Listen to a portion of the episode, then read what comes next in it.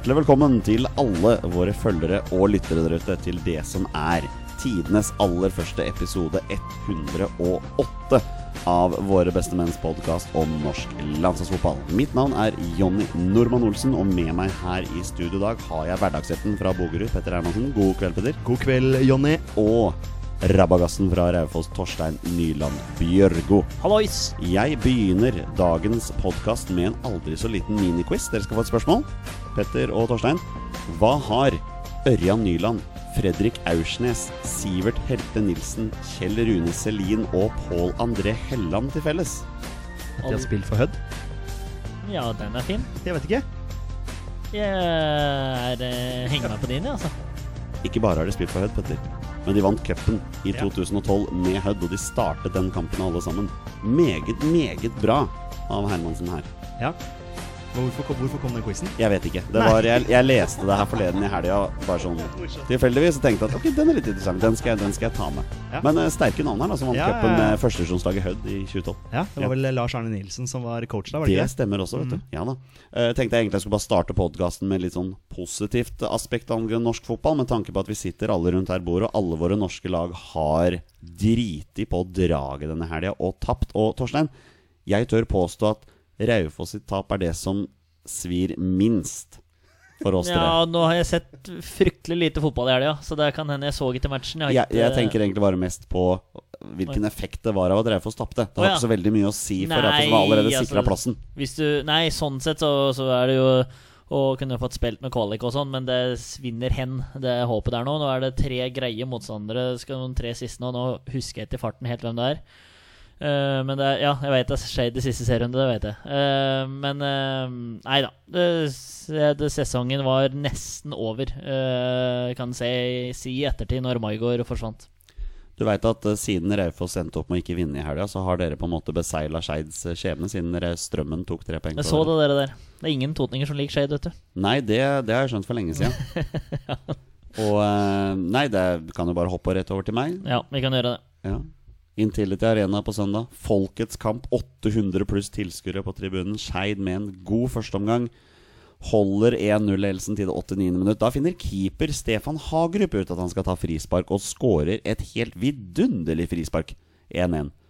Og så er det kneskålgeneralen Vamote Diomande da, som går, kommer opp der og skårer 2-1 på overtid. Og da, da skal jeg ærlig innrømme at da var jeg langt nede. Den, den, den var tung. Ja, Det er eh, lov å være lei seg da. Altså, men øh, hadde ikke Var ikke han litt sånn i preseason her, han keeperen Kom ikke han uh, fram på noe D2-sporten og sånn at eh, keeperen skal skyte frispark i år? Ja da. Han, han hørt skåra på et frispark i preseason. Ja, Så har du ikke hørt noe om det Nei, for dette var, dette var hans første mål i år. Ja, sant. Måtte selvfølgelig komme nå. Ja, ja, sjølsagt. Ja. Sånn er det når det er et lag i motgang. Fram til det 89. minutt var vi to poeng unna kvalik. Nå er vi fem med tre kamper igjen. Altså det, det, er, det er kjørt. Det er, det er ikke noe mer å si. Ja, det ser, det ser mørkt ut nå, altså. Det er ingen tvil om det. Ja, vi, vi må slå Sandnes Ulf borte. Vi må slå Notodden hjemme, og vi må slå Raufoss borte og håpe på hjelp. Det, ja, det synes jeg det. Fikk ikke noe hjelp i helga, i hvert fall. Fikk ikke noe hjelp i helga. Nå har vi nesten like, like mange kamper på rad uten seier som, som Vålinga da. Som uh, Petter. Ja, Åssen er det med dere nå? Har dere tolv, eller? Jeg tror kanskje det, det er vel kanskje tolv, ja. Ja, Hvis ikke vi, vi som har tolv? Jeg tror dere har er elleve. elleve. Ja, elleve og dere har tolv. vi driver og konkurrerer litt om hvem som er dårligst Ja, i det, Oslo. det er et eller annet min til til, altså. Ja, det må være det. Eh, nå er jo Vålerenga like dårlig på bortebane for så vidt. Ja, for, for nå er det jo sånn Hvem som helst kan nesten slå Vålerenga nå. ja, sånn har det vært lenge nå. Eh, og jeg har eh, etterlyst forandringer ganske lenge nå. Men det, han får holde på. Eller de, de, de da, for å si de, det er jo ikke en enmannsjobb, dette her. Men de får fortsatt holde på. Eh, så mange kamper uten seier. Eh, det de viste mot eh, Stabæk nå, var blodfattig. Stabæk leder 2-0 etter 15 minutter, og da er kampen ferdig. Selv om Vålinga, Vålinga hever seg litt mot slutten av første omgang og begynnelsen av andre omgang, men det holder ikke, vet du. I, du må være på stasjonen i, når kampen starter, og det var ikke Vålerenga i det hele tatt. Og så hører jeg noen rykter om at det var kanskje under 2000 mennesker. Ja, jeg vet ikke hvor mange som var der. Og, og det er jo også et faresignal. Vi snakka litt om det i bilen på vei hit, eh, Torstein og jeg. At det, den der likegyldigheten, at folk begynner å gi litt blanke, det er veldig skummelt. Det er dritskummelt. Ja. Så, men eh, det, er, det, det sier litt når eh, Aron Dønnum, som blir utvist, er Vålerengas beste spiller. Det sier veldig mye om resten. Så det er, det, er tungt for tiden. Eh, og så er det Derby-match mot eh, Lillestrøm på lørdag, og det Ja, jeg kan ikke skjønne noe annet enn at Lillestrøm tar ganske greie tre poeng der. er en sikker bortseier. Nei, det, jeg, jeg, jeg, klarer ikke å se at Vålerenga mentalt har det inne akkurat nå. Som jeg sa til deg, en påstand. Vålerenga vinner ikke en eneste kamp resten av sesongen. Nei. Helt motsatt av min Norge-påstand. Ja, ikke sant? Ja. Nei, men det er, eh, det er så utgjort og så Ja, Stabæk-greiene her nå. Det, Stabæk de trengte egentlig bare å møte opp og skåre to mål, og så var liksom kampen ferdig. Men eh, vi skal jo sikkert en tur innom eh, England etter hvert òg. Men eh, er det litt sånn at eh, Vålerenga kanskje trenger en Derby-match for å kvekne til siste fem matcher her nå, da? Eller fire, fem, seks matcher Jo som er igjen? Og så de- tror du ikke at det der kan være De, de, du, langt motiverende i seg sjøl? Bør jo være motiverende i seg sjøl å spille for hovedstadsklubben, mener jeg, da. Men, eh, men det er det jo tydeligvis ikke for, eh, for eh, så mange. De må røske opp i den klubben der. Det er mye som må gjøres der. Mye som har blitt gjort galt. Men selvfølgelig en, en Lillestrøm-match. kanskje man kan håpe på en uavgjort, men jeg, jeg ser ikke at uh, Vålerenga skal vinne der. Det har ennå godt at uh, Leeds vant da, Ja, i helga. Ja, de, Leeds uh, sin hovedutfordring forrige sesong og i år, eller denne sesongen her, de skårer ikke nok mål. Uh, de dominerer jo kamper totalt, men, men de har ikke den der notoriske målskåreren, da, som, sånn som Pukki, som var i Norwich, og Abraham, som var i Aston Villa. Så Leeds trenger en sånn type, da. Vinner 1-0. eh, Calvin Phillips, det er Leeds-gutten blir da matchvinner i Leeds sin 100-årskamp. Eh, det var jo jubileumskamp på Ellen Road mot eh, Herregud, Birmingham. Sto helt stille. Leeds vinner 1-0. Eh, mange kamper igjen. Spiller kamp i kveld også, borte mot Preston. Ja. Så det er en lang sesong. Championship avgjøres jo ikke før i mars-april. Nei, det er det, som er, det er det som er skummelt. Så selv om Leeds ligger oppe i toppen her nå, så, så holder jeg Jeg er ganske rolig. Klok, Klok av skade. Klok av skade fra i fjor, si. Ja. Yes. Torstein, du er jo, eh, hvis ingen har fått med seg, så er jo du Liverpool-mann. Og jeg er jo Manchester United-mann. Jeg har ikke sett kampen mellom Manchester United og Liverpool på søndag. Jeg har ikke sett høydepunkter heller. Men jeg har fått med meg at det ble 1-1. Og jeg har fått med meg at VAR var litt inne i bildet her, og litt sånn dersom, hvis om matte. Um, har du noe mer å tilføye? Nei, enn at eh, United eh, fikk kjempa Liverpool ut av stil. Eh, Liverpool var ikke i nærheten av noe som helst før han siste 25 minutter, kanskje. Uh, var annullering på Mané sin goal er helt riktig. Uh, den der United-goalen er jo omdiskutert, men jeg syns det er Altså, Det er ingen som kan nekte på at det er et soleklart frispark. Det er det ingen som kan nekte på, for det er det uansett hvilke briller du ser med. Men eh, så på noen Sky Sports-greier i går, og da var det at dommeren fikk det sett situasjonen, og da skal jo VAR eh, gripe inn der. Og så er det jo dette clear and obvious-greien som jeg har gitt opp helt, fordi det er, det er clear and obvious at det er en felling der. Og så er det Men sånn, altså det er tilbake til alle disse straffesituasjonene som vi har meldt om før. Så det er på en måte Jeg gidder ikke eh, å begynne der. Eh, men eh, for, eh, for all del, fin kontring og scoring til Rashford og United der, og de kjemper Liverpool ut av stil der. Eh, og så mm, Ja. Og så sier det kanskje Altså, no Fence, men det sier kanskje litt da at når United-fansen og folk rundt om er så fornøyd med at de er tilbake på sporet, og Liverpool så skuffa etter å spille 1-1 borte mot United når de utligner fem minutter før slutt. Så det er, de det er liksom to forskjellige verdener akkurat nå hvor de kjemper om. Og uavgjort er um, helt greit resultat, sjøl om uansett at når du utligner innenfor de 10-5 siste minuttene, så er du heldig å få med deg poeng. Nei, det er jo ikke noe å, å være flau over det. Altså, s- styrkeforholdene mellom disse to lagene er som det er akkurat nå. Ja, og det er jo Og- og sånn liksom er det? Ja, ja, ja. Ja. Nei, vi kan ta litt eh, til senere. Ja, vi gjør det. Vi ja. avslutter introen. Jeg skal stille Petter Hermansen et spørsmål. Du er jo vår eliteserie-alibi her. Um, bunnstriden der er jo rimelig kaotisk, er lov å si det. Det er lov. Um, Mjøndalen ligger jo nederst med sine 23 poeng. Men rett over der så har både Strømsgodset, Ranheim og Sarpsborg 08 24. Tromsø 25, Lillestrøm 28. Ja, Stabæk og Vålerenga i teorien med nedrykksstriden med 29 poeng. Um, hvem rykker ned? Ja, der kommer det derre tusenkronersspørsmålet. Ja. Eh, Men uh, vi, følg magefølelsen din hvem jeg ønsker? Ja, hvem tror du rykker ned? Hvem jeg tror? Hvem tror du rykker ned? Eh, jeg tror Ranheim går ned. Ranheim går ned? Selv om de hadde en eh, råsterk eh, 4-1-seier mot, eh, mot Odd her. Hvor, hvor kom den fra, liksom? Ja, greit mål av Ja, Carlsen. Carlsen der er fra Ja, det var litt av en kasse. Så det beste der er reaksjonen til Mushaga Bakenga Ja, på benken. ja, ja, ja. Det var veldig bra. Um, jeg eh, Åh, det blir litt sånn hjerte, da. Nei, jeg Ranheim ned. Og så tar de med seg Strømsgodset. Tar med seg Strømsgodset, ja. Ja. ja. Det er bare fordi at jeg vil at Herman Stengel skal rykke ned. Da du vil det, Ja. ja. Torstein? Jeg er så smålig. Det er bare derfor. Nei, men eh, jeg skal Jeg har prøvd å nei, Jeg skal prøve å få med både Mjøndalen-Ranheim og uh, Mjøndalen-Vålerenga. For jeg veit de har hatt de to matcha i Siste, Drammen. siste matchen Siste er. Mjøndalen-Vålerenga. Så jeg håper av den grunn at Mjøndalen eh, greier seg, og liksom får litt Ikke at jeg har noe hjerte for, Rane, nei, for Mjøndalen eller noe, men eh, du spurte hvem jeg tror rykker ned. Eh, jeg håper Mjøndalen greier seg, men jeg frykter at det blir eh, Mjøndalen og Ranheim. Jeg hadde tenkt å komme på Strømsgodset med deg, men uh, også få kvaliken. Og så er det Mjøndalen og Ranheim som må spille en sesong i Obos. Jeg tror det. Mm. Men eh, Sarpsborg også er jo Ja, altså, du, Ligger jo veldig du kan, farlig an der. ja, du kan er- nevne flere lag også. Det er Tromsø. Altså, ja, Det blir jo et skikkelig race her mot, eh, mot slutten. Ja, og så er det Nå, nå husker jeg ikke helt, men Simen Wangberg var ute og pratet på at de har noe vanvittig med Ja, matcher. de har Vålinga blant annet. Da. Ja, Hjemme mot Vålinga. Eh, resten husker ikke jeg. Nei, jeg lurer på om det var Ranheim der, men det kan hende jeg tar feil, så ikke hør på meg. Skal vi prate litt Hva, landslagsball? hva tror du. Jonny? Å, Unnskyld at jeg ja. Jeg tror det blir Mjøndalen og Sarpsborg 08 som rykker ned. Ja, men da har vi litt forskjellig her, da. Litt forskjellig. Ja, Ja. Vi skulle hatt et veddemål, vet du. Men eh, jeg d- blir ikke overraska hvis Start tar Ranheim i kvaliken. Nei, det, det kan du si. Uh, det er, det er mye, mye rart som har skjedd i år. Uh, vi trodde jo Bodø-Glimt skulle rykke ned. Ja, det, det trodde vi. Ja. Jeg tror det viktigste er at Koffa ikke rykker opp. Da skal vi, skal vi prate litt landslagsball, boys. Ja, la oss gjøre det. Kjør! Da gjør vi det. Og det er gang! Det er! Og det er Solskjær som også med tomålsskårer.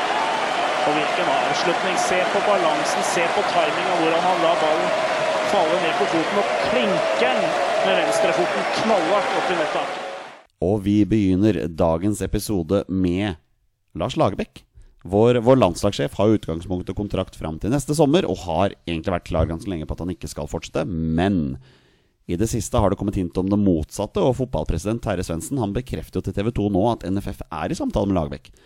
Hovedpersonen selv sa under landslagssamlingen som nettopp er avsluttet, at han tror det beste for Norge etter EM er andre krefter, da han begynner å innse hvor gammel han er. Men han sier samtidig at det frister å fortsette, siden det er en veldig spennende gruppe å jobbe med. Petter, nå har jo vi vært litt forberedt på at Lars Lagerbäck sier takk for seg neste sommer uansett, men nå hintes det jo om at han kanskje fortsetter. Hva, hva er dine umiddelbare tanker rundt dette? Eh, Umiddelbart så tenker jeg at uh, Ståle Solbakken ikke er klar ennå. og at det er det som er grunnen til at NFF nå ser på muligheten for å kunne forlenge med Larsemann. Vi kaller han Larsemann her i Våre beste menn.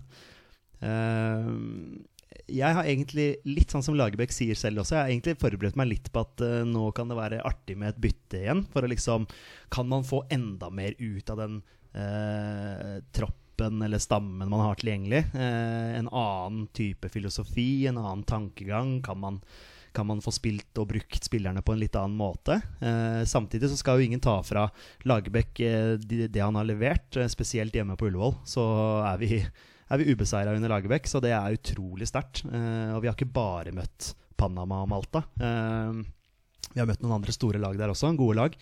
Så, så ingenting å si på resultatene.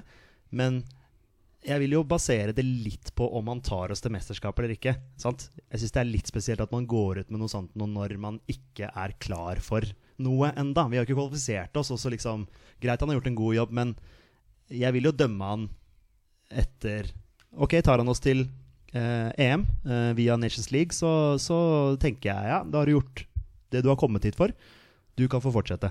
Litt som med Høgmo, da, da han ikke klarte å ta oss til mesterskap, så fikk han allikevel fortsette. Da ble jeg litt sånn Nå har du kasta bort muligheten din, nå kan noen andre få komme inn. Og så drøya de det, og så ble det så ræva som det det ble. Men samtidig har jo Lars Lagerbäck over de tre årene han nå har vært landslagssjef, liksom hatt en jevn stigning hele veien. da Og til, til tross for at hvis man eventuelt ikke når til EM nå gjennom det som sannsynligvis blir Nations League, så har stigningen vært der, og vi har jo blitt bedre og bedre. Absolutt. Så Absolutt, det, det må jo være noe å ta med seg, det også. Ja, ja, absolutt. Og, Ja. og jeg tenker at hvis det er sånn at uh, NFF sitter og venter på Ståle Solbakken, så sitter jeg lett med Lars Lagerbäck i noen år til, uh, istedenfor å på en måte eh, rive opp i alt før Solbakken da eventuelt kommer inn. Det virker som det er Solbakken som er NFF sin mann. Torstein Børge, hva tenker du eh, sommeren i 2020? Ja eller nei til eh, Lars Lagerbäck? Eh, altså, jeg har lyst, men jeg tror Lagerbäck eh, tenker på den nevner der, alderen. Jeg, jeg tror det er eh, ferdig eh, nå nest, Altså etter EM, eventuelt EM, da. Eh, hvis det ikke blir eh, EM i Nations League, så tror jeg det blir en ny mann der uansett. Eh, da får vi den to år, og altså, du kan jo ikke fyke ut en fyr hvis han får oss til VM da. Altså, det er uansett om Solbakken eller hvem som står og banker på døra. Så um, hvis Lagerbäck sjøl vil, selvfølgelig, kjør på. Men jeg tviler på at han orker en runde til. Det, det sitter jo en fyr på benken her, Petter, som har vært Lars Lagerbäcks høyre hånd i flere år nå. Han heter Per Joar Peri. Jeg har jo sagt at jeg tror det er han som tar over etter Lars Lagerbäck. Men hva tenker du, hva om det er han som tar over en sånn overgangsperiode fram til Solbakken? Eh, da har han jo forhåpentligvis gått i en god skole da, hos, eh, hos eh, Lars eh, Lagerbäck. Eh, ja, det kan jo bli en sånn naturlig mellomløsning. Eh, Men skal vi da kaste bort en VM-kvalik? På nei, men det er ikke sikkert at man nødvendigvis gjør det. Nei, men ja. Nei, Altså, jeg, altså, man kan jo ikke dømme Per Åre Hansen før han eventuelt har fått Nei, det er helt enig Han er jo en del av et team her. det er helt enig. Så, så, så det blir litt sånn feil å kunne si det at eh, skal vi kaste bort en kvalifisering fordi Og- Per Åre Hansen tar over. Og ikke glem at før VM-kvalifiseringen så er det Nations League. Ja, det er det òg. Så det er jo første hinder da, etter EM. Ja, det er det uansett. Mm. Men det, er, men det er jo utrolig, utrolig spennende. Alltid spennende med noe nytt. Eh, Og vi har jo vært litt forberedt på det. At liksom eh, Lars skulle gi seg. Men eh, jeg syns det er litt sånn rart å begynne å snakke om det nå. Jeg syns bare timingen er litt sånn spesiell. At eh, eh, forbundet kommer ut med det nå. Eh, Men de vil jo ha en avklaring før nyttår. Det har de jo sagt. Ja, men han skal jo allikevel lede oss eh, Ja. Altså, ja. I, Ja, det må da bli i litt- Nations League playoff, og det er vel altså Ja, han har jo kontrakt, så, Ja da. så kan man ikke ta det litt sånn neste år. Ja, det er Men- litt rart hvis han, hvis han bestemmer seg for at Nei, jeg er ikke med nå lenger, men vi skal gjøre de to mest avgjørende matcha eh, mot uh, Serbia og en, forhåpentligvis en finale i Nations League der. Ja, Eller så sier han at ja, jeg er med videre, og så driter vi oss ut i den playoffen, og så Ja. står vi der med en trener som ikke har tatt oss til Ja, en kanskje tidenes mulighet til å ta oss til et mesterskap, Ja. da, hvor vi da i tillegg har spilt oss til den, denne Nations League-muligheten. så derfor kunne vi hatt venta litt. Også, men Så Det er- mister, miste spillerne litt trua, da, kanskje. ja, det er liksom sånn der, den der er jeg litt sånn eh, redd for, da. Ja. Og men, det- men Du, du feila. Ja. Du feila oss nå sist. Greit at det er spillerne som skal levere, og sånne ting altså, men det er jo en leders ansvar. Og dette her Og så Sånn- blir sånn de det usikre på hva er et ja, hva er et nei, hvis du plutselig ombestemmer deg, og så svikter du fullstendig, og så nei, jeg skal ikke være med likevel. Og så er det litt sånn nå, altså, Jeg har ingen sånn sterke formeninger om Perry og bortkastet, det var sagt litt i gåseøynene og sånn, men så er det litt sånn Jeg kan på en måte eh, eh, tillate meg å synes at det er greit òg, fordi at eh, hvis du skal fjerne Perry og Lagerbäck, si at de forsvinner, så kommer det en ny mann som skal sine folk inn. Og så skal du, hvis det feiler en, så skal Solbakken inn med sine. Så blir det utskiftninger hele, he, altså hele tida her. Så det kan være greit med litt kontinuitet med hvis Perry da tar over, da, så har han med seg samme gjengen, og så skiftes. Mm, ja, for det var- var vel litt sånn som skjedde på Island nå, var det ikke det? Etter at uh, Lagerbäck ga seg der. Var det ikke han assistenten Riktig. som tok over da? Stemmer Det var han tannlegen, ja. Ja, han tannlegen, ja. Men han leder dem jo til VM. ja. Ja, ja, men han gikk jo i en slags skole hos Lagerbäck. ja, ja. Litt som Perry nå gjør. Eh, og, og kanskje det er det som er veien å gå, da, som du snakker om, Torstein. Altså den kontinuiteten der, da. Ja, og så har de jo fått Hamren nå, og så da får vi Ja. si Ståle, eller Jeg har ønska meg Kjetil Rekdal siden, Ja, ja, men, siden eh, sist. ja. Men eh, nei. Uh... Jeg, jeg syns dette er veldig vanskelig, da. Eh, Når jeg leste den nyheten, det var vel i går den kom, så, så ble jeg sånn paff, for jeg har hele tiden vært litt forberedt på at ok, etter sommeren 2020 så er det slutt, da. Og så er det sånn Hva skal man vektlegge da i forhold til det som har vært Lars Lagerbäcks periode som norsk landslagssjef? Skal man vektlegge resultatene mest? Skal man vektlegge spillet? Altså, hvordan skal man velge det? Resultatmessig er det veldig lite å ta med på. Eh, klart denne kvaliken her kunne vært mye bedre hvis man hadde gjort sånn og sånn og sånn, men vi har faktisk ikke tapt. Vi har tapt én kamp denne kvaliken, og det var den første kampen mot Spania. Og vi er ikke langt unna å ta Sverige, og vi er ikke langt unna å ta Romania her. Så det er liksom veldig hårfine marginer som gjør at vi nesten kunne vært klare for EM allerede nå. 2018 var et kjempeår hvor vi da kru, nesten cruiser gjennom Nations League og liksom tar de resultatene som vi skal der. Ja, da vet jeg mange der ute som tenker at motstanderen var så og så, men som vi har sagt før, vi var i divisjon C av en grunn, og vi viste jo at vi var mye bedre enn det, heldigvis, da. Lagerbäck har tur å ta sjansen på noen unge spillere. Han var veldig tålmodig med Martin Ødegaard. Det var jo veldig mange som ville ha han med ganske tidlig, men Lars var liksom litt sånn rolig nå. Nå er han jo klar, ikke sant. Nå er han jo der, og han er en av de første mennene på blokka. Erling Braut Haaland. Jeg tipper han starter kampen mot Færøyene, og så vi kampen mot Malta også der oppe sammen med Joshua King, da. Hvis ikke Joshua King leverer inn en sykemelding der. Og så er det jo liksom Det er spillet, da. Først og fremst som er der. Fordi veldig mange syns jo at Lars Lagerbäck til tider spiller litt sånn traust og kjedelig. Men Lars har jo hele tiden vært klar på at det er resultatene som er viktigst. Han er ikke der for å underholde, han er der for å prøve å få Norge til mesterskap. Og resultatmessig er det vanskelig å ta han. Vi, vi har ikke tapt på Ullevål under Lars Lagerbäck. Men jeg, jeg heller litt grann mot at jeg kanskje skulle sett noen andre få prøve seg. I hvert fall hvis vi ikke kommer til mesterskap. Fordi det er veldig mange spennende spillere. Vi har en veldig ung, veldig spennende tropp med veldig mange spillere som kan ta det neste steget. Og kanskje noen andre kunne gjort noe bedre der. Fordi det er noen av laguttakene til Lars Lagerbäck som jeg har revet meg litt i håret over.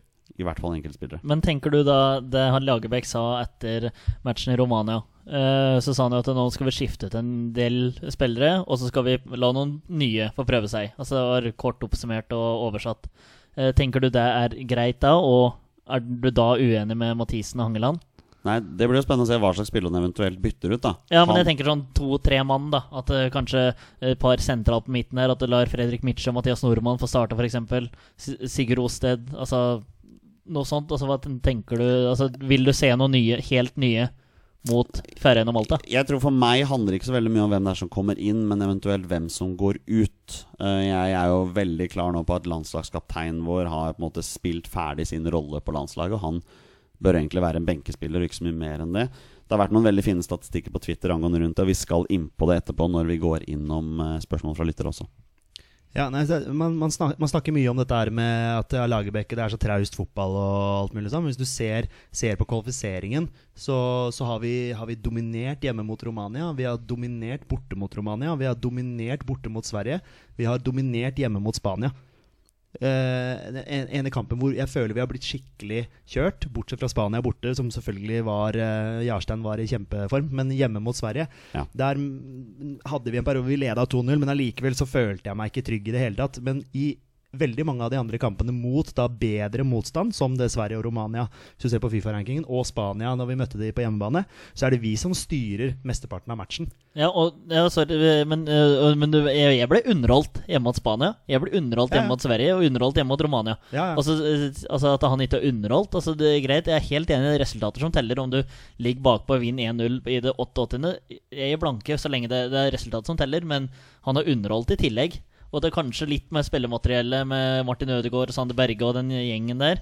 Men øh, jeg har blitt underholdt i tillegg til at resultatet har vært godkjente, men det er så kjipt de siste fem minuttene mot både Sverige og Romania. Ja, ja, vi ødelegger for oss sjøl, men, Ja. men jeg bare tenker at uh, mye av fotballen vi har blitt servert, har jo egentlig vært ganske bra.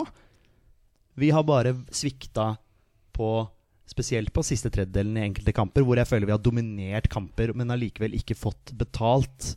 Vi har kommet rundt på kant og spilt en veldig sånn eh, fotball hvor vi, ja, vi skal doble på kanten, og Omar og Haitam skal komme rundt, og så har vi kanskje ikke hatt det trøkket i boksen som vi, som vi trenger. da. Eh, og så har vi jo svikta eh, defensivt. Det har han jo klart å, å snøre ganske bra igjen nå. Sant? Vi har ikke sluppet inn så mye mål etter de matcha der. Ikke sant? Vi slapp inn en mot Sverige, en mot Spania, en mot Romania. Det jo, blir jo en for mye i alle kampene, selvfølgelig. Men, men jeg mener allikevel at i de matchene så har Norge hatt perioder hvor de har dominert såpass at de burde skåret flere mål. Der, er, Der er det, der det trykka litt for Ja, oss. og så er det å få fram noen typer bak der. Altså Jeg savna det mot Sverige og Romania der, når vi eh, slapp inn fem mål på to matcher i de siste 20 minutta. Du savna liksom en, eh, en som kasta seg inn for å blokke det. Vi ble trøkka inn på femmeteren der. Så fått fram noen nye typer. Og Sander Berge har jo vært en ny type som har fått inn på det landslaget her. Kjempespiller som du kan få nytte av i ti år framover. Så jeg ser lys på dette, her, men om Lagerbekken eh, blir med videre, det er jeg litt usikker på. Jeg tror, eh, som jeg sa, at alderen eh, ikke innhenter den, men at han eh, tenker at pensjonisttilværelsen i Sverige hadde vært fin å nyte. Ja, det skal ikke se bort fra det. Vi må nok videre nå. Eh, Jeg tenker at vi, vi lander ikke på noen konklusjon akkurat nå om vi ønsker Lagerbäck videre eller ikke. Vi må faktisk avvente og se hvordan det går eventuelt i Nations League også. Men sannsynligvis får han jo eventuelt jobben før jul. Men jeg er enig med Petter at timinga på hele dette greia her, den, den skurrer litt. Det, Ja, det, det- det, det- syns jeg er rart. Det vitner jo sannsynligvis om at de også ser det at nå har EM-toget gått. Eh, så nå må man begynne å tenke litt annerledes. Gjen, ja, Ja, gjennom vanlig kvalifisering. Ja. Ja. Vi, vi kjører på litt videre. Vi tar en positiv nyhet, da. Um, Ada Hegerberg vant jo den første gullballen noensinne, som ble delt ut til en kvinne i fjor. Og jaggu er hun ikke nominert i år også, det til tross for at hun ikke spilte VM for Norge. Men eh, det er klart hun har levert presentasjoner i Champions League det er vanskelig å komme utenom. Og det er klart når du skårer hat trick i Champions League-finalen, så, så er du der du skal være. La oss prøve å ikke tenke så veldig mye på Ada Hegerberg og landslaget nå, men heller la oss bare hause opp hvor stor prestasjon det er at hun er nominert to år på rad. Ja, det, er, eh, det er stort. Nå hadde jeg egentlig tenkt å si noe om landslaget, men, eh, men eh, da skal jeg prøve å droppe Bare det. føler at vi er innom landslaget hver eneste gang vi Ja. snakker om Ada Hegerberg. Og Vi det er jo en- jo ikke vi er jo en landslagspodkast. Vi er jo det. Og er klart jeg nevner henne fordi hun har en relevans til landslaget, men jeg Ja, ja, føler vi går, går gjennom det Se- samme hver gang. Selvfølgelig. Eh, Det er kjempestort. Og så mener jeg det hadde vært enda større da om hun hadde vært et fast invitar på landslaget. Det var ja. egentlig det jeg ville, ville si, men selvfølgelig er det sykt stort. Og hun kommer fra lille, lille Norge og en liten plass i Norge òg, så det, hun har gjort en eh, fantastisk eh, jobb for å komme dit hun er i dag. Og all ære. Og det er bare å ønske lykke til, da. Men nå laga jo to mål mot Potsdam nå i Champions League, og da er hun jo mestskårende i Champions League-historien med 51 mål, altså på delt førsteplass. da, og det er ganske sannsynlig at jeg kommer til å putte minst én til, da, eh, som gjør at jeg blir eh, den klart mest gående i Champions League-historien for damer. Hun har 51 mål nå, tror jeg. Så det er rimelig solide tall hun har, og leverer i hjemlig serie òg, men det blir vel litt sånn jeg vet ikke hvor nivået det Salzburg-laget i Østerrike er. Altså Lyon i, i Frankrike der. Altså De er rimelig suverene, så det er jo Champions League de jakter etter hele tida. Nå har de vært i finalen Er det tre av de siste fire åra eller et eller annet sånt. Og de har en vanvittig gjeng der. Så Men da er det jo veldig stort press for å prestere, da. ja, det er akkurat det. sånn Nivået er skyhøyt. Så, og sett på noen av måla laget Altså, det er venstre og høyre, og det smeller i både det ene og det andre hjørnet når hun skyter, og det er eh, sterk i lufta òg, eh, Men jeg skulle så inderlig ønske at hun kunne ordne på denne twisten, som eh, ser ut til å være ja, ganske brutal. Hun er jo i gang med sin eh, sjette sesong i Lyon nå. Og så er hun 24 år.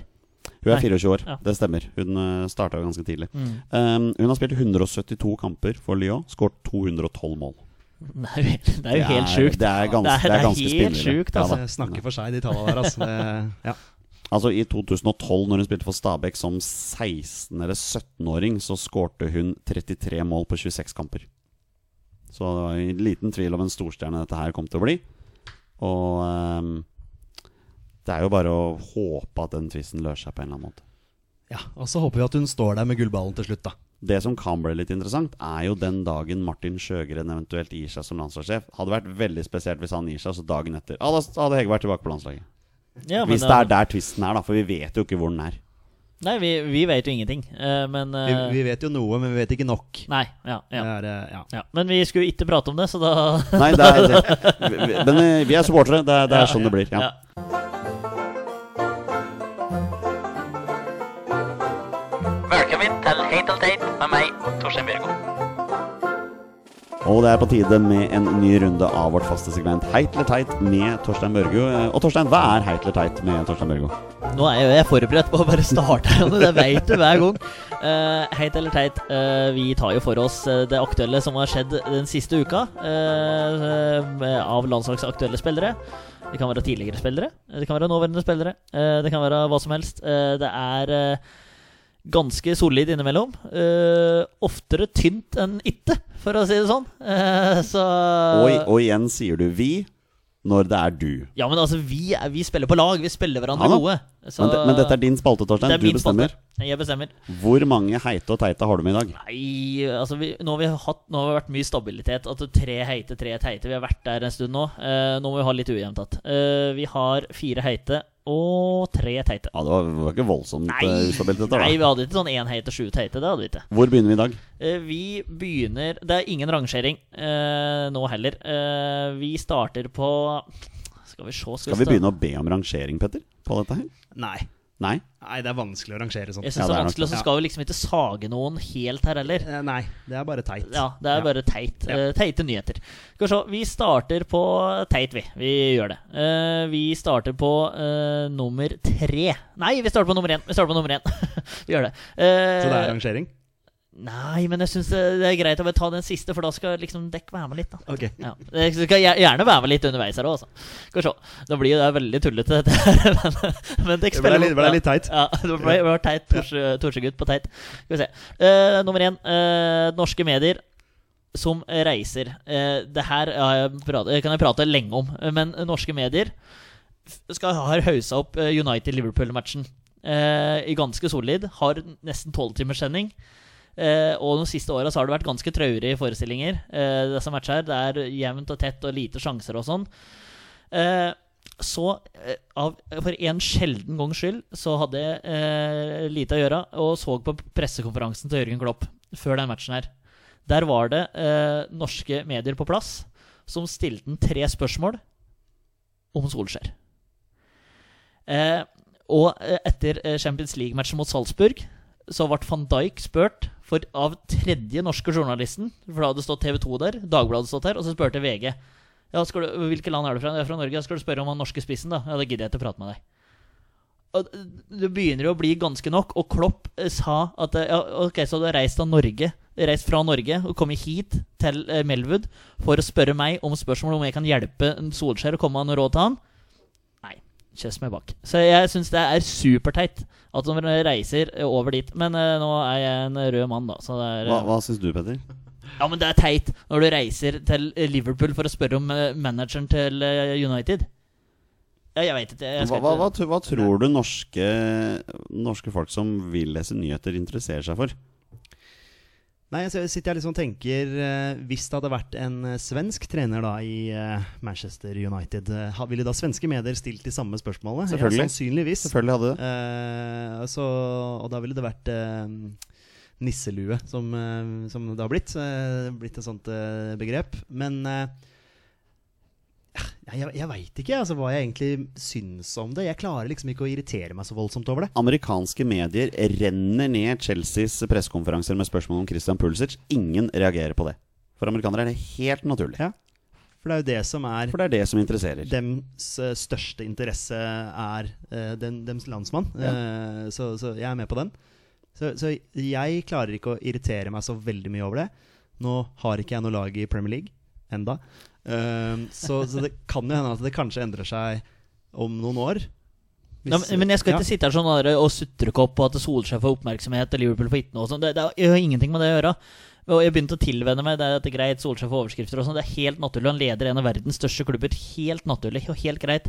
Men når du reiser til motstanderens pressekonferanse for å stille spørsmål om han, jeg syns det blir bare helt feil. Kanskje greit før eh, sånn en match, men når du blir hele forbanna tida og, du, og du, når du er på den Champions League-matchen, så spør de ikke om Ja, dette her var en ganske jevn kamp. Eh, Dere vant akkurat 4-3 over Salzburg. Eh, Åssen åssen går det for tida? Liksom sånn der Men det første du spør etter, er Erling Braut Haaland. Kult, vi digger han, men, men tenk for en sånn spiller som er i, i Liverpool, og så, forvent, og så kommer det en sånn dust journalist som skal spørre om en norsk fyr. Altså Nei, uh... Men, men dette er jo veldig enkelt. Mediene vet jo hva som selger, og de ser jo hvor mange klikk og hvor mange som leser artiklene deres på nett. Og det er det de baserer seg på. Og de vet jo at Solskjær-artiklene er det som folk interesserer seg mest for i dette landet. her Da er det jo naturlig at de bruker veldig mye tid på Solskjær. Jo, men eh, jeg syns det blir eh, litt uh, overivrig Ja. innimellom. Men vi kan gå videre. Ja, det er, vi det er, kan, det er, eh, din, det er din spalte. ja, vi din kan, vi kan gå videre. Jeg syns det bare er litt, uh, litt spesielt når det skjer uh, hver gang. Men det er uh, kanskje litt naturlig. Ja. Ja, sånn det. Men Eh, Det hadde vært interessant om du, hadde- om du hadde reagert på samme måte om Solskjær var Liverpool-trener. Ja, hvis vi liksom bare snudd om Ja, Ja. det hadde, ja, det hadde, vært, det hadde vært litt er det, artig. Er det primært Liverpool-supporterne, de norske Det er det Liverpool-supporterne, som irriterer seg over dette her? Det er det jeg tror. Det var rart. Ja, det var rart. Jeg, bare, jeg, bare, jeg, bare- jeg, jeg klarer ikke å skjønne hvorfor man skal irritere seg over det. Jeg, jeg klarer ikke det. Det er andre ting å irritere seg over i verden. Ja, det er det. veldig Det- mye altså, det annet. her- altså, det her det er er- sånn ilandsproblem. Ja, det er veldig bagatell, og det er litt sånn fleipete sagt om, men det er liksom det begynner ja, å bli Jo da, men jeg ser, jeg ser det jo på Twitter, jeg òg. Liksom Ja. Hvor mange som irriterer seg over alt mulig som har med Solskjær å gjøre, og den dekningen han får. Og, og, og det er helt naturlig òg, for så vidt, men eh, ja. Nei da. Vi går videre, vi, på nummer to. Og så får jeg være Sutre-Petter, hvis noen vil kalle meg det. Sutre-Petter. Sutre-Petter. Jeg- Beklager. det, var, det var unødvendig. Det var unødvendig. Beklager. Triste Torstein, tenker jeg.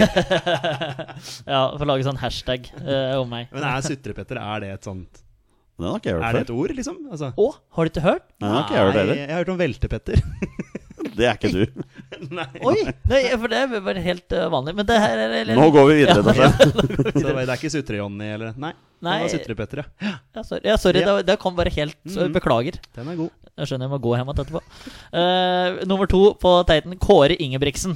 Uh, han er lenge siden vi har hørt noe om, sant? Ja, helt til nå, tydeligvis. Ja, for han har ikke vunnet med Ostende i serien siden 24. august. Eh, Det begynner å bli ganske lenge siden, men de har jo bare spilt fem-seks kamper. da Eh, De eh, vant, hadde en seier i cupen 25.9. Det er sist seier Osen hadde. De tapte eh, 3-2 mot Open. Open, Open, Open eh, som ligger bak dem på tabellen. Eh, og Osen nærmer seg nå nedrykksstreken eh, i full fart.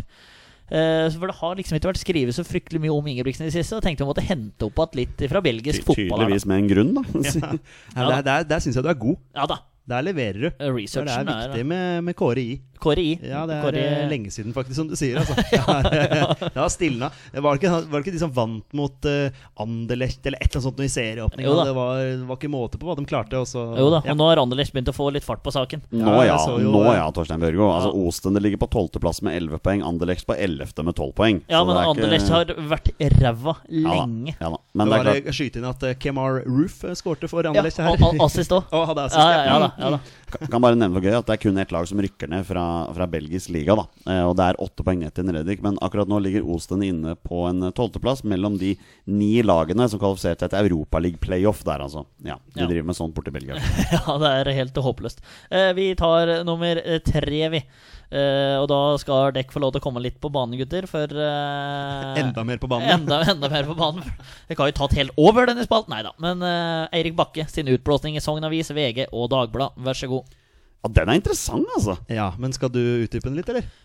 Nei, men ja Eller skal Sutre-Petter ta? Nei, men det kan, altså, det, dekk, dekk vet mer om det enn meg. Ja, jeg jeg har fått med dekk mer tenker at eh, joviale Jonny, som er Obos-generalen her, kan jo bare gå hjem med det. Dette var veldig overraskende, det som skjedde her. Her knuser dem Jerv med 4-0 på hjemmebane, og så går Eirik Bakke ut og kritiserer ja, rett og slett hele Sogndal egentlig for likegyldighet. da Og det er klart det han fokuserer mest på, at Sogndal er jo en liten klubb. Det har alltid vært en veldig liten klubb. Det er et sted med kun rundt 8000 mennesker som likevel har klamra seg til altså toppen av norsk fotball ganske lenge. da Og de har faktisk 18 sesonger i, på øverste nivå. Det er veldig mye for et sånt sted som det. Og liksom det som hele tiden har vært Sogndals greie, har vært tilhørigheten, tilknytningen og folk rundt klubben som, som, som er der da og jobber for det. Og klart Nå opp, opplever Sogndal en tilskuersvikt, og de opplever at folk blir litt likegyldige. Og sånne ting Og Eirik Bakke blir jo dritforbanna. Jeg syns ikke dette er måten å gjøre det på. Og liksom signerte en ny kontrakt for en måned siden, og nå truer han allerede nå med nei, men det kanskje han stikker. Og klart det, det Han tar en veldig interessant problemstilling spesielt i Dagbladet. Han sikter til at han syns det er trist at tidligere svorne Sogndal-supportere nå heller prioriterer å se Manchester United-Liverpool hjemme i godsofaen enn å dra på Fosshaugene og se på, og se på Sogndal. Og jeg er faktisk Jeg er enig med han der, men det er klart nå er jeg en av de som prioriterer norsk fotball alltid foran engelsk fotball, men jeg vet at ikke alle andre tenker sånn. Så eh, nei, kraftig utblåsning der. Jeg tror ikke det var veldig populært blant Sogndal der, altså. Nei, det er, eh, det er jo et veldig rart fokus når du har vunnet, eh, vunnet eh, 4-0. Eh, Men, men man, man blir frustrert da man jobber holdt på å si dag og natt for at laget, fotballaget skal, skal prestere, og så, så kommer ikke folk og, folk og ser på. Jeg kan ikke skjønne at eh, en bygd som Sogndal eh, har så mye annet vettugt å gjøre enn å dra på Fosshaugen og se på, og se på Sogndal. Jeg eh, er som deg, Jonny. Altså, hvis det er sånn at uh, Vålinga og Leeds da, eh, spiller samtidig, så prioriterer jeg selvfølgelig alltid Vålinga Jeg drar alltid på, på, på match og ser uh, Vålinga når det eventuelt skulle krasje med en, noe engelsk fotball. Men, men sånn er jeg skrudd sammen. Jeg har jo en mye større tilhørighet til mitt eh, lokale lag, eh, som er ti minutter unna, eh, enn Leeds, som er enda lenger unna. Så, så, så for meg er det helt naturlig, og jeg skjønner jo at han blir frustrert. Og det, jo, det har, jo, har jo vært sånn i Eliteserien også, at det ikke har vært heldige kamptidspunkt. Sånn som nå i helgen, f.eks., så, så spilte jo da United mot Liverpool klokka halv seks, mens da Eliteserierunden gikk klokka seks. Jeg tror det var dessverre mange som prioriterte den Premier League-matchen istedenfor å, å dra og se på sitt lag da hjemme i Norge. Så jeg, jeg syns det er trist, men, men, men sånn er man jo skrudd sammen og må jo velge det man har lyst til. Ja, Eh, vi- vi så bor- sånn, sånn er det jo bare. Vi bor i et anglofilt land, og det må vi nesten bare akseptere. Ja da, man er, man er veldig glad i engelsk fotball, og, og jeg er kjempeglad i engelsk fotball selv. Men uh, jeg er enda mer glad i den norske, da. ja, ja, mye mer glad i norsk fotball. Ja, nei, ja, vi, kan, vi kan gå over. Men, eh, men altså, nå bor jeg lenger unna enn det dere gjør til å se laga deres. Eh, men eh, det er uh, Skeid Ness Sotra eh, i serierunde 15, og United kan vinne ligaen i siste serierunde i England. Hva gjør du? Skeid Nesodra. Ok, Ja, greit. Men sånn, sånn er jeg også. Det er ikke tvil engang. Nei, Nei, greit. Uh, da går vi på heit. Uh, uh, Jeg vi- hater Nessotra, så selvfølgelig hadde jeg vært på den kampen. der. Øygarden neste år? Ja, Øygarden neste Ja, år. Kanskje. Kanskje. Det er ikke helt Å, det er bekrefta ikke helt bekrefta. Ok. Rune? Vi går videre. Vi går videre. Uh, uh, heit Moi Elionos Moi Elionosi med to goller mot Ross County. Det Da Celtic smadra dem 6-0. Det er Moi. Ja. Ja, han henta seg inn der. Hent- Og- og du ja, gjorde det, Ja, ok, ja, ja, ja, jeg meg, Jonny. Eh, Celtic er nå serieledere på målforskjell eh, i Skottland. Er, eh, Jeg sier rett inn i startelveren mot Færøyene. Spill med vinger offensivt. Bare kjør på og score mål. Ja, men jeg er så enig. ja. Ja. Jeg er så enig. Men Vi- nå er jo, men dette er artig, og nå Ja, begynner det å levere Ja, seg. ja, ja, det må, eh, må, eh, må få han rett inn på, på venstre der. Ja. Og så har du Ødegaard på høyre. Så har du to formspillere på hver sin kant. Mm. Har du Haitam og Omar som dobler der òg. Det, er- det er gull, vet du. Ja. Det er veld, veldig morsomt. Det Moi. Moi løper seg sliten, og når han byttes ut et kvarter for slutt, så kommer Mats Møller der inn. Som tross alt er andre Bundesligas suverent beste spiller. Ja. Ja. Så det er òg veldig morsomt. Nå, altså, Prat på å levere stabilt, da. Altså, Mats spiller Dæhlie. Dæven. er Men han er ikke god nok for eh, landslaget. Nei, det er flere som ikke spiller fotball, som tydeligvis er god nok for det landslaget. Det er der, så det er litt spesielt. Men Ja. eh, det er klart at er det skulle, Ja. skulle vært med. Skulle vært med. Neste, Torstein. Eh, apropos anglofili og hele greia der. Vi har vært mer enn nok innom. Vi tar bare veldig kort eh, United-Liverpool igjen. Vi får sjuende gang går vi innom den matchen. Men Solskjær er eh, på heit eh, på nummer to her. Uh, kjemper Liverpool ut av stilen. Uh, steger, i- riktig retning for United. Og ja, som vi sa i stad, eh, det er forskjell på laga. Men eh, United hadde eh, veldig eh, tenningsnivå. Virkelig er og kjemper et fintspillende eh, Liverpool-lag ut av stilen fullstendig. Så imponerende. Eh, og om det her kan være riktig vei, ja, vi får se når du møter eh, Bournemouth og Norwich de to siste nå. Det er noe med det. Eh, vi går bare hopper videre. vi. Eh, Sørloth leveres Ja. i Tyrkia. Eh, altså, eh, men tenk, eh, Sørloth og Moi da fikk de ikke til i det hele tatt i England innledningsvis. Begge blitt utlånt til eh, dårligere lag i dårligere ligaer. Leverer. Så det, altså, Premier League kanskje det er for høyt nivå, da. Også, Altså, altså det, det spissparet som Sørloth har nede i Tyrkia der, altså det er jo et spisspar som får en annen pod i fotballklubben sannsynligvis til å gå mann av huset. Altså Alexander Sørloth og Daniel Sturridge. Ja, de eh, hadde vel scoring og assist til hverandre her i, eh, i helga, så det er kult. Eh, Sørloth, vi snakka litt om det sist, Altså, han er jo en helt annen person nå.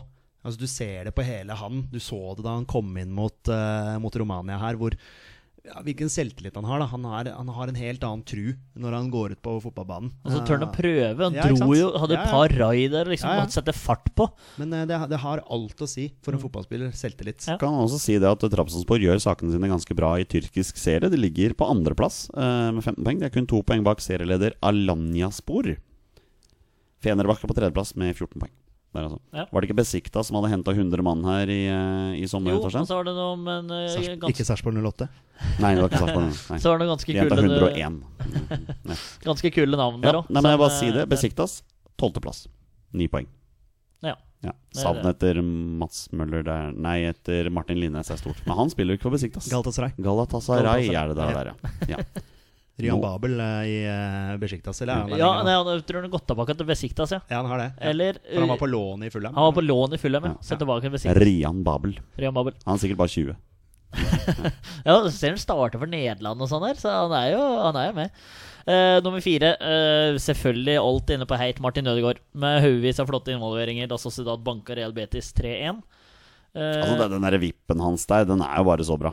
Ja, altså nå er det tilfeldigheter at det blir mål ut av det, men sånn generelt matchen så spiller han, eh, spiller han eh, bra, altså. Så Han leker, ja. koser seg når han spiller fotball. ja Det er så deilig å se på. Ja, det er moro. Morsomt. Det var heit og teit eh, for nå, mine gutter. Tusen takk, Torstein. Og et nytt skudd, og det er 2-0!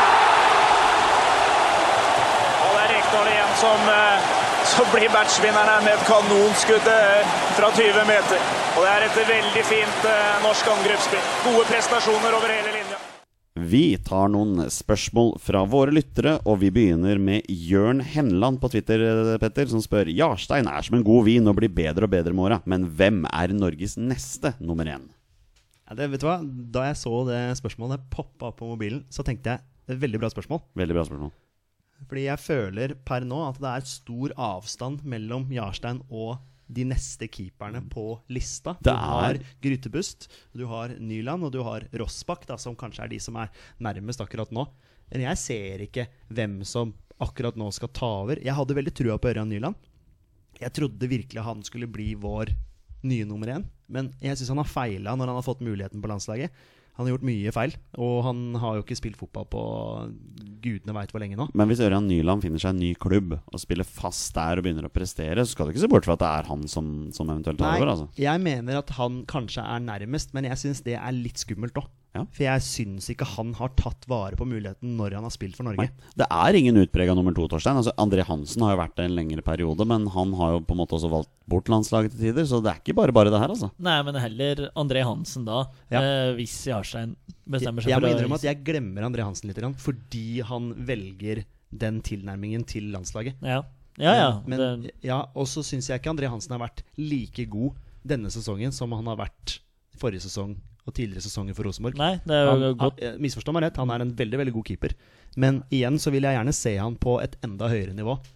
Og at han presterer Altså, De spiller en eh, europaligamatch her hvor de taper 4-1 på, på hjemmebane. Altså, da, da møter de jo europeisk motstand, og da slipper man inn mye mål. Nå sier jo ikke at det bare er André Hansen sin feil, men, men det er jo det du må måle han litt opp mot også, da. Sant? Ja, det- ja. eh, det å holde nullen i Eliteserien, det kan mange dårligere keepere enn André Hansen gjør også. Og eh, Rune Jarstein har blitt 35 nå, i år, så han, det nærmer seg slutten med han også. Men Ja. klart, André, André Hansen blir jo 30 nå i desember, så han er ikke en ungfole, han heller. Nei, nei, han har en fin keeperalder. Det er, han har noen år igjen der. Men jeg og- føler meg ikke trygg med Nyland i det hele tatt. Nei, ikke heller. Aldri følt meg trygg og syns han aldri har vært noen god keeper. Og Gry nå- Grytebust også er jo, sånn som jeg har forstått det, vært veldig mye inn og ut av København-laget også. Eh, ikke spilt så fast som det man kanskje hadde håpa at han skulle, skulle gjøre. Og, Det er også litt sånn fare, faresignal. Men uh, vi får se da nå i vintervinduet. Kanskje André Hansen endelig får den der utenlandsmuligheten. Som jeg håper, for jeg har så lyst til at han skal gå opp på et enda høyere nivå. Da mener jeg selvfølgelig at han hvis Jarstein da velger å gi seg snart, det vet man jo ikke. Jarstein kan jo holde på til han er 40 pluss. Så ja, men Jarstein har blitt veldig, veldig god. Og Jarstein har også vært en sånn eh, spiller som jeg har vært litt sånn bekymra for, men han har jo vokst ekstremt, da, både som person og som keeper. Jeg er nok sannsynligvis en av de få i dette landet som mener det jeg skal si nå. Men jeg har aldri helt forstått hypen rundt Sondre Rossbakk. Jeg syns han er en god keeper, men han er vel kanskje en god keeper i eliteseriestandard. Kanskje ikke så mye mer. Jeg har på en måte aldri latt meg imponere veldig over han. da Nei, jeg syns jo han er veldig god, da, men, eh, men, men eh, det er jo meg. Eh, han er ung. Han er jo 22, er han det? Eller 23, eller noe sånt nå? Nå i den duren. Bra med er- erfaring fra både tippeliga og eliteserie òg. Ja, altså, jeg, te- jeg, tenker jo at uh, han som en så ung keeper Hvor gammel er han? Jeg fant du det ut? Han er 23. Ja. Uh, han er jo ung i keeperalder. sant? At uh, keepere blir jo bare bedre og bedre. Jeg ser et stort potensial der. Ja, han har jo vært fast i Eliteserien siden han var 19 år. Så det er klart det er jo potensial i fyr. Men jeg vil gjerne se en fin utvikling. Jeg tror Mm. Ja. kanskje han etter hvert skal komme seg litt vekk fra Odd og prøve noe også, nytt også. også noe med det der at man vil jo se dem på et høyest mulig nivå. Og Der er jeg også tenker at André Hansen har vært, har vært lenge i Rosenborg nå. Og vært lenge hjemme i trygge Norge. Nå er det på tide å, å komme seg ut og prøve seg i en større liga. Så for å svare på Jørn Henlands spørsmål om hvem som er Norges neste nummer én, så sier vi veit ikke.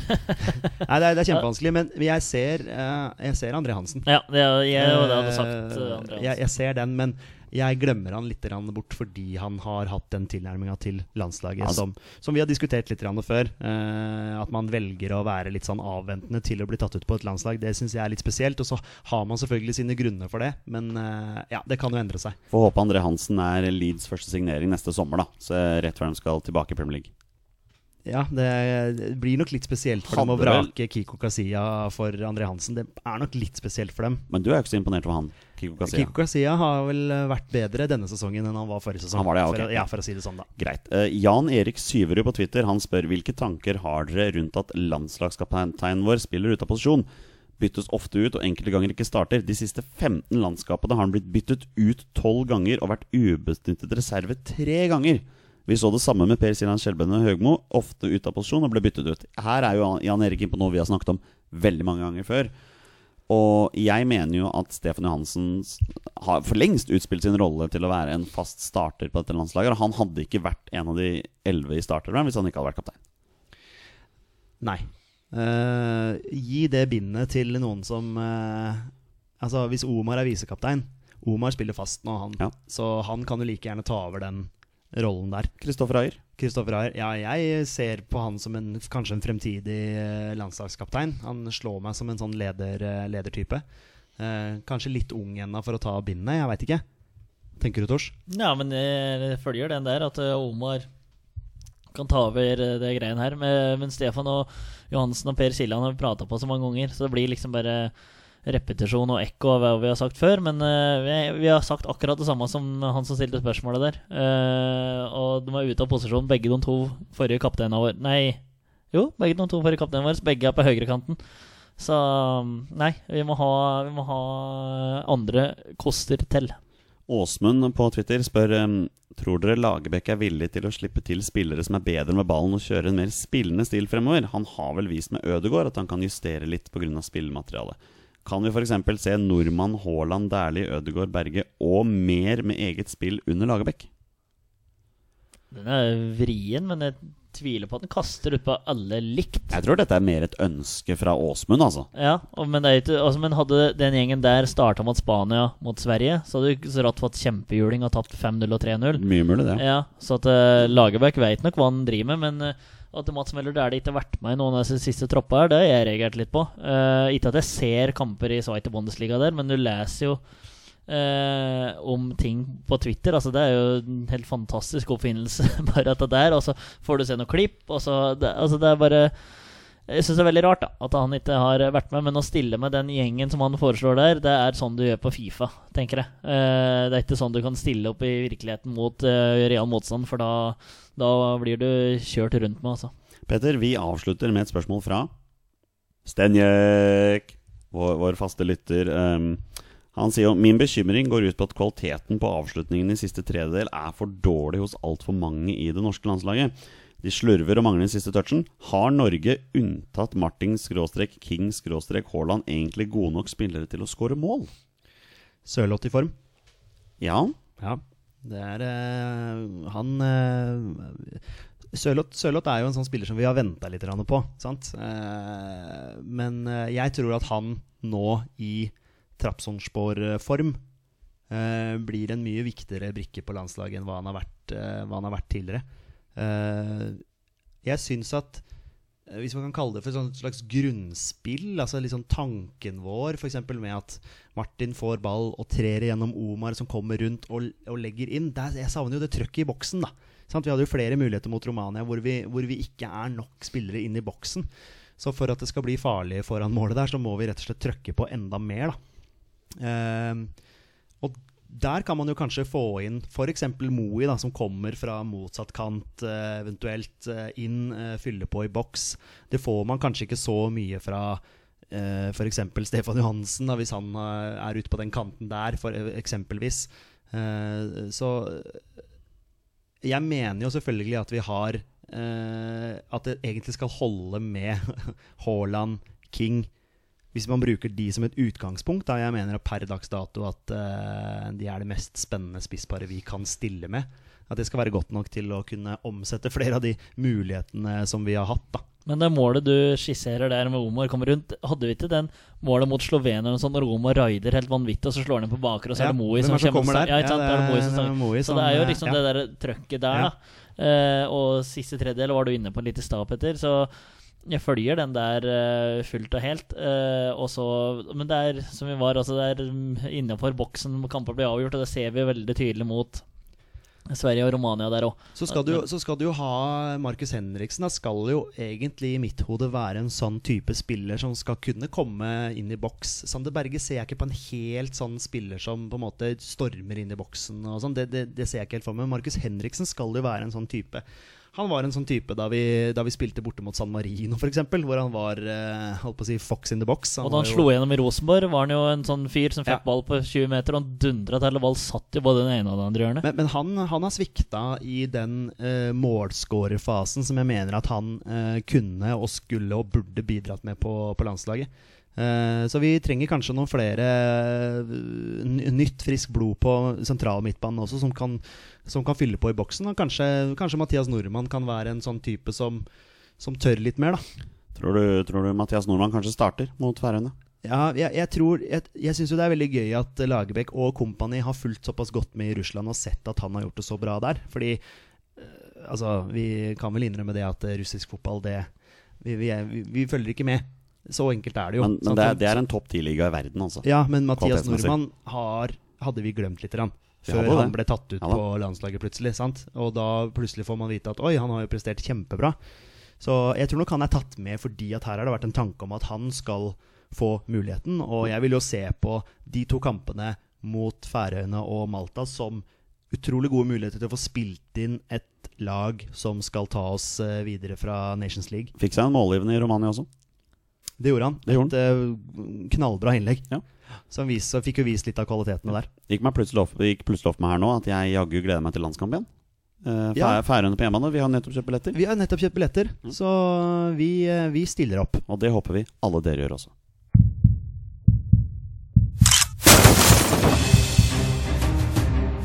Er han nåværende landslagsspiller? Er han utenlandsproff? Er han fortsatt aktiv?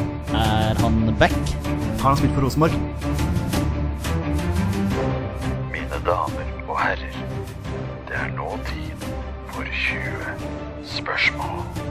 Det er på tide å avslutte denne ukas episode som vi pleier, med en runde med 20 spørsmål. Og det fungerer på følgende måte. Torstein og Petter har 20 ja- og nei-spørsmål på å komme fram til spilleren jeg har funnet fram. Og det er da en spiller som har minst én A-landskamp for Norge. Og bonusregelen er som den pleier å være, at når de gjetter navnet på en spiller, er spillet over, og de har vunnet eller tapt. Men før vi kommer så langt, må Torstein og Petter finne ut om de vil ha en twist eller ikke. Sier du, Tors, er du sulten? Jeg syns det er så vanskelig å takke nei til twist. Ja. Jeg syns det er så vrient. Eh, Det hadde jo vært morsomt å bare sagt nei. Let's uh, twist again. Let's twist again. Gutta twister igjen. Og som sist gang så skal dere få informasjon i denne tvisten. Denne spilleren har spilt seniorfotball i Norge for klubber som i dag befinner seg i Eliteserien, Obos-ligaen, andredivisjon og tredjedivisjon. Altså Norges fire øverste nivåer. Får ikke lyst til å si Vær så god. Thomas Sokolowski. Men Jeg skal bare spørre, er det Thomas Sokolowski? Bare sånn, Tenk å ta den på første. Det ja, var det Ja, hadde vært jævlig artig. Hvis, okay, vi hadde, hvis hadde hatt det travelt, så skulle vi gjort det. Men eh, ok, han har, ja, for han har jo spilt for Stabæk, Ja. som er nåværende eliteserieklubb. Ja, Brann har han vært i, ja. Det er faktisk sant, Asker. Ja. Og så Lyn, som er langt nede i Hvor er de? Tredjedivisjon? Ja, Og så hadde han spilt i Obos. ja, sikkert. For en eller annen klubb der, da. Hvem er Obos? eh, Sandefjord, har han vært der? Han har vært litt overalt. Det leveres det på høyt nivå, visste han. Er han eh, midtbanespiller? Nei. Åh, er det ikke det hadde vært så. Det hadde sjukt morsomt eh, hvis det hadde vært. Thomas Sokolowski. Har han landskamper? Ja, må Jeg veit jo ikke, da, men det, han, han kunne vært med og spilt 45 minutter mot Ja, ja. Uh, Turkmenistan i Stavanger. Ja. ja. Det okay. Altså, ja, Ja, ja. et, altså, han kunne vært med, men uh, nå er det Fanker, nå fikk jeg helt Sokolowski. Ja, men, men der syns jeg du er god. Det, er- det kunne fort vært han. Det hadde vært ja, veldig morsomt. Men nå er det ikke han. Kanskje Sokolowski har spilt høyreback på landslaget, så at det er eh, det er der uh, greier. Men uh, nei da, vi kan ikke begynne der. Ja, men eh, la oss finne posisjonen, da. Ja. Er det forspiller? Ja. Han er vel kanskje ikke aktiv lenger? Eller skal vi spørre om det, bare for å Han sier at han har spilt Ja, kan, for altså, men- Asar ja. Karadas, liksom. Altså, han kan ha vært Ja. Er han fortsatt aktiv? Nei. Nei, regnet Nei. ikke Nei, med ja, det. nei. Men, eh, ok, vi har en forsvarsspiller. Skal vi komme oss ut på bekka, om han er bekk? Ja. Er han bekk? Nei. Det er ikke jeg som skal stille det. Nei, det er egentlig jeg skal stille deg. Jeg, jeg be- litt sånn feil. jeg beklager at jeg ikke tok Ja, eh, det- okay. ok, en Kjetil Wæler. Jeg bare name-dropper litt, jeg. Midtstopper som ikke er aktiv. Kjetil Wæler har, hvis du tar han Spilt uh, eliteserie, eller Vå- Vå- Vålinga og ja, så Obos, Sogndal. Uh, Andredivisjon. Jeg kjenner ikke nok Tredjedivisjon så har han jo Lyn. andre div. Asker, har han vært innom der, eller? Altså, Jeg kommer ikke på hvem eh, Men det kan godt hende. Det er jo altså, men da kan du spørre har han spilt i Premier League, da. Altså, altså det, er, det er bare tynt, men uh, har han spilt i Premier League? Ja. Måtte han dobbeltsjekke det? Unnskyld? Mm. Nei. Nei. Ok Kanskje det laget her ikke var Men Betyr det at han har vært i en Premier League-klubb uten å ha spilt? Eller betyr det at Fordi du spurte har han spilt i Premier League? Ja, Spilte Kjetil Wæler noen gang i Premier League? det er ikke sikkert han gjorde det, vet du. Det gjorde jo ikke Frode Kippe. Har vi hatt Kjetil Wæler før? Jeg kan ikke huske har det. ikke Hvor mange 20 spørsmål-spillere har vi hatt nå? Ja. Frode Kippe, har han vært innom landslaget? Ja. Har ikke han bare spilt for Lillestrøm? da? Han har vært i Liverpool. Ja, men de spiller ikke i Obos-ligaen eller i Nei, nei, men Å ja, sånn ja, i Norge. Ja, sorry. Jeg datt helt ut, jeg. Jeg datt helt ut. Ja, nei, han er vel sånn Er ikke han som mister Lillestrøm, da? Jo, han er jo det. Han er jo det. Ja, men uh... Ja, sorry. ja, ja, Eh, ok. Skal vi prøve oss på noe antall landskamper her? Ja, vi kan, uh, vi kan gjøre det. Over ti? Har han over ti landskamper? Ja. Ja, Det har ikke Frode Kippe. Nei. Det kan han ikke. Nei, det Kjetil Wæler har nok det. Eh, Erik Hagen, bare, men han har ikke vært eh, langt nedi der. Jo Og så han har Men vært i han mener jeg vi har hatt før. Og han har spilt i Premier League òg. Ja, for han har spilt for Wiggen. Ja. Mm, ok, ja. Det er jeg ganske sikker på. ja. Jeg mener vi har hatt han før, faktisk. Men vi kan jo spørre om han har spilt for Vålerenga. Fordi Har han spilt for Vålerenga? Ja. Det er altfor mange i 20 spørsmål som har spilt for Vålerenga. Ja. Eh, Erik Hagen skåra på brassespark mot, Mot Tyrkia. Mm. Men, uh, men jeg mener faktisk at vi har hatt han før. Ok, ja. Skal jeg være helt ærlig. Og han har vært i Wigan. Han må jo ha spilt i Premier League. For han gikk til Wigan da de var i Premier League. ja.